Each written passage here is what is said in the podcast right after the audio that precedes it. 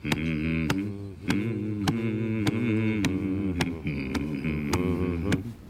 on.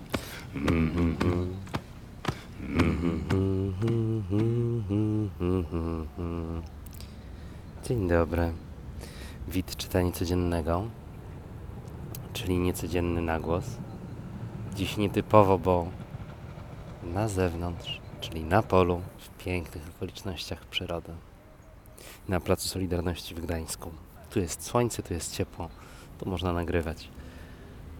A to, czy można nagrywać, to się okaże, jak przeczytam, co mam do przeczytania i potem przesłucham, co mam do przesłuchania i będzie jasne, czy dźwięk wystarczająco dobry. Dziś o przekleństwie wiedzy. Zacznę od chyba wstydliwego w naszym kraju wyznania. Czytam książki. To wyznanie wstydliwe, ponieważ mało kto czyta. Wyniki badania czytelnictwa w Polsce w 2015 roku, przeprowadzone na próbie 3049 osób, pokazały, że 63% Polaków nie przeczytało w tamtym roku żadnej książki. Kolejnych 17% przeczytało tylko jedną albo dwie.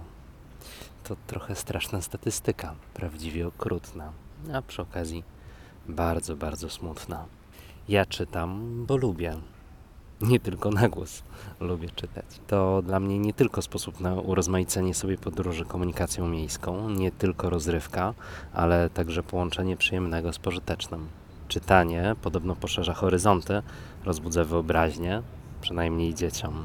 Czasem czytanie pozwala, jeśli nie na naukę języka, to przynajmniej na obcowanie z nim. Dlatego czasem czytam także po angielsku. Rozważam zamieszczenie na blogu pełnej listy książek, którą przeczytałem, ale nie po to, żeby się swoim czytelnictwem napawać, ale po to, aby mieć pod ręką zestaw książek, które uważam za warte polecenia. Będzie tam pewnie dużo kryminałów, ale nie tylko opowieści sensacyjne czytam.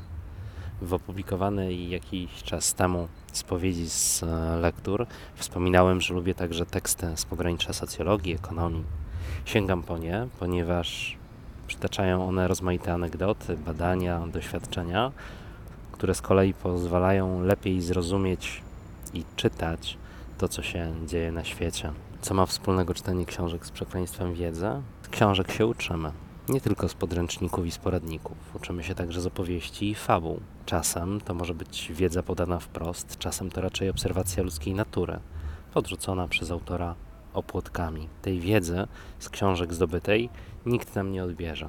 Im więcej czytasz, tym więcej wiedzy gromadzisz. I choć nie powinny, to tu właśnie mogą zaczynać się problemy. Zbyt łatwo zakładamy, że to, co wiemy my, wiedzą wszyscy, z którymi mamy kontakt. Bracia Heath w tekście Curse of Knowledge przytaczają opis eksperymentu, który dowodzi, że kiedy coś wiesz i jest to dla ciebie oczywiste, od razu przyjmujesz, że jest to oczywiste także dla twojego rozmówcy, a to z kolei utrudnia wam komunikację. To nie wynika ze złej woli odbiorcy albo nadawcy, ale wynika z tego, że zbyt łatwo zakładamy, że wystarczy mówić tym samym językiem i używać tych samych słów, aby się rozumieć. Trzeba pamiętać o tym, że to wrażenie to pułapka. To kiedy wiedza ogranicza? Mówi się, że kiedy trafisz na zadanie niemożliwe do realizacji, należy powierzyć je komuś, kto o tym nie wie.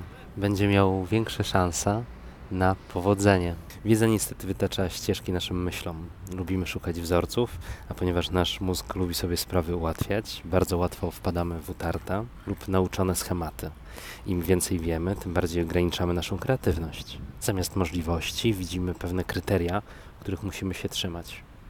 Są badania, które pokazują, że przedszkolaki są kreatywnymi geniuszami, ale przechodząc przez edukację szkolną, z tej pomysłowości są ograbiane. Wiedza ma blaski, wiedza ma cienie. Im więcej wiesz, tym więcej oczekujesz od tego, co robisz na co dzień, od tego, co czytasz, od tego, co oglądasz, czego i kogo słuchasz, co rozumiesz, od tego, czym się zajmujesz.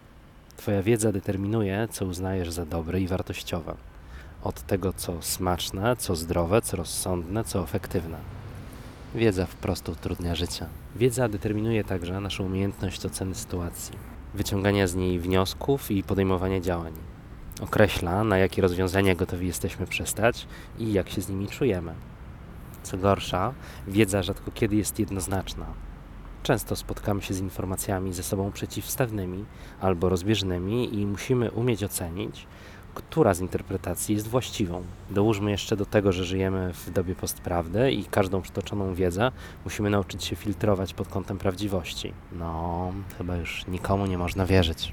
Nie zapominajmy też o tym, że im więcej wiesz, tym więcej wiesz, czego nie wiesz. I ile masz jeszcze do dowiedzenia się. Cokolwiek paradoksalnie. What has been seen cannot be unseen. Jeszcze słówko o tym, że wiedzy nam nikt nie odbierze i że potrafimy coś ukryć na widoku i pozostanie to niezauważalne dla ogółu tak długo, jak ktoś nie przyjdzie i palcem nie wskaże, gdzie mamy patrzeć. Brzmi to jak ukłon w stronę masonów czy innych tajnych stowarzyszeń, które rzekomo rządzą naszym światem, ale ja nie o tym. Jeśli chcę właśnie palcem pokazać coś, na co pewnie wielokrotnie już patrzyłeś i spróbuję ci udowodnić, że nie widziałeś. Przynajmniej ja nie widziałem, dopóki mi tego na tacy nie podano. Jest taka francuska firma handlowa Carrefour, obecna na naszym rynku od wielu, wielu lat. Za każdym razem, gdy patrzyłem na ich logo, byłem cokolwiek zafascynowany, cokolwiek skonfudowany, bo zupełnie tego logotypu nie kumam. No bo co tu jest do rozumienia? Jakiś czerwony trójkącik, jakaś niebieska strzałka. Pewnie cytując Mumio, jedno jest czegoś alegorią, a drugie jest czegoś metaforą. Mądrzy ludzie nad tym siedzieli. Tam coś musi być. Po prostu musi. Popatrzcie sobie kiedyś na logo Carrefoura. A teraz popatrzcie bardziej i pożegnajcie się z tym postrzeganiem tego, co w tym logotypie jest. Ponieważ właśnie zamierzam to zmienić. Bo w logo Carrefoura jest coś jeszcze. Mhm. Jest litera. Mhm. Tak, to litera C. Widzisz ją? No ja nie widziałem.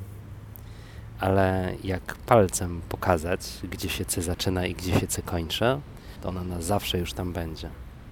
Obrazki znajdziecie na blogu. Obrazki poglądowe. Nie ma za co. Teraz już zawsze tą niewidzialną literę będziecie widzieć. Od tego nie ma powrotu.